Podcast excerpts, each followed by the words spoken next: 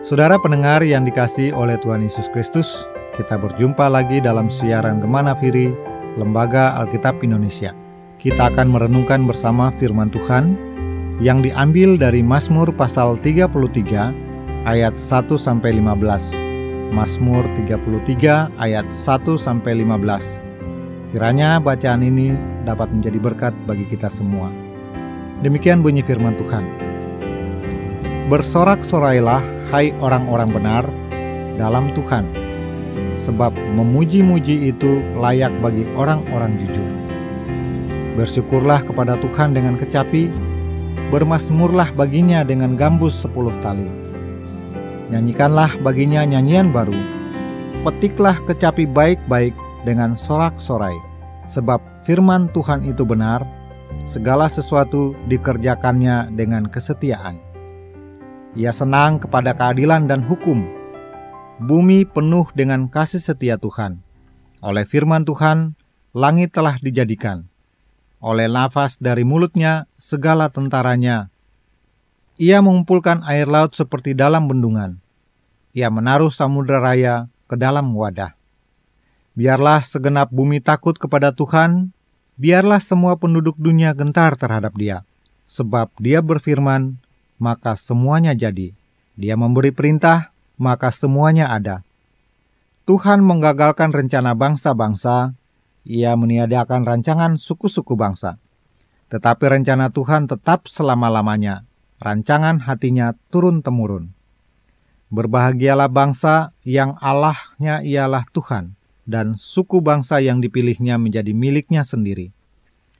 Tuhan memandang dari sorga, ia melihat semua anak manusia. Dari tempat kediamannya, ia menilik semua penduduk bumi. Dia yang membentuk hati mereka sekalian, yang memperhatikan segala pekerjaan mereka. Bapak Ibu yang terkasih, dalam perenungan ini, kita diingatkan kembali betapa besarnya kasih Tuhan kepada umat manusia.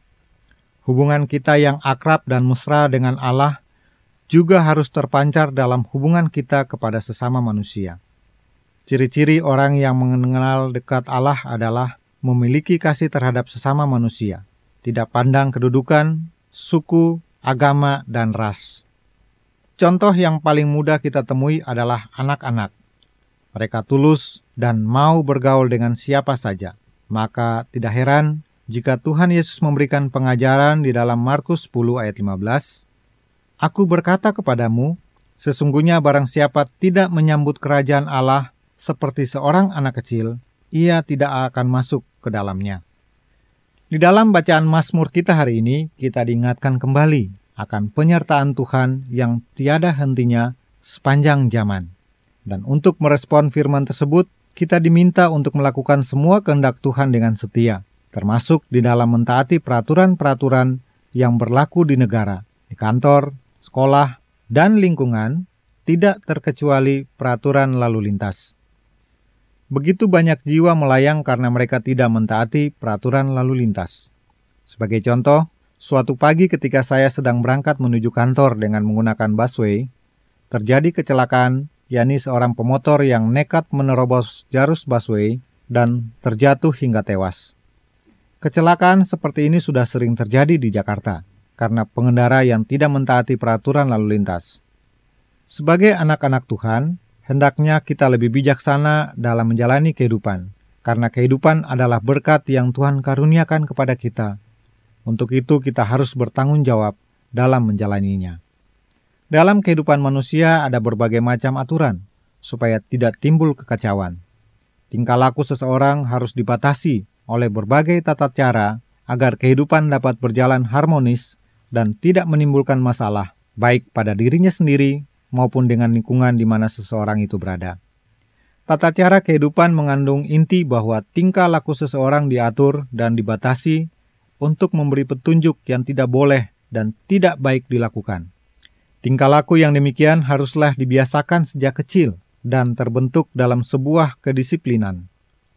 Orang tua bertanggung jawab menanamkan sikap disiplin pada anak dengan memberi pengertian-pengertian mengenai batas-batas kebebasan dari perbuatan-perbuatan yang boleh dan yang tidak boleh dilakukan. Sikap disiplin dapat ditanamkan oleh orang tua sedikit demi sedikit pada anak sesuai dengan tingkat usianya. Hal-hal yang diteladani seorang anak dari tokoh-tokoh di sekitar mereka, seperti orang tua, guru-guru di sekolah, dan di sekolah minggu, kiranya dapat mengarahkan kehidupan seseorang menjadi pribadi yang sehat jiwa dan raga.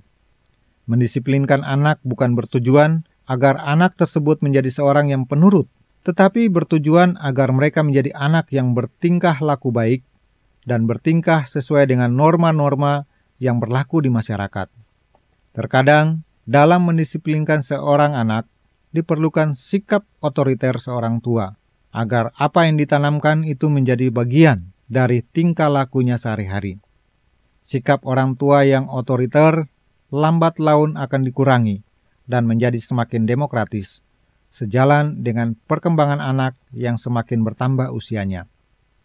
Anak-anak perlu diberi kepercayaan dan tanggung jawab sesuai dengan usianya. Hal ini diperlukan untuk perkembangan pribadinya agar menjadi manusia dewasa dan bertanggung jawab.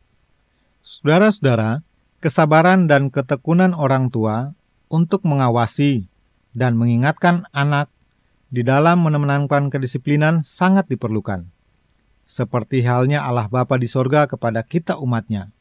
Ia akan menegur kita apabila kita lalai dalam menjalankan perintahnya. Tegurannya memang terkadang tidak nampak kasat mata. Untuk itu kita harus lebih akrab dengan Allah sehingga kita akan peka terhadap tegurannya dan segera mengubah sikap kita. Hal sederhana misalnya hari ini kita lupa berdoa dan bersaat teduh. Hati kita sepanjang hari akan terasa tidak sejahtera dan khawatir. Tanpa hubungan yang erat dengan Allah, hidup kita penuh dengan kekhawatiran yang sia-sia. Untuk itu, mari kita mengevaluasi kembali apakah kita sudah memiliki hubungan yang mesra dengan Allah dan membawa kedamaian? Marilah kita eratkan kembali hubungan kita dengan Tuhan, sehingga bergaul dan berkomunikasi dengan Allah menjadi suatu kebiasaan yang tidak dapat kita lewatkan. Selamat menikmati hubungan yang indah dengan Allah seperti yang pemazmur lakukan. Tuhan Yesus memberkati kita semua. Amin.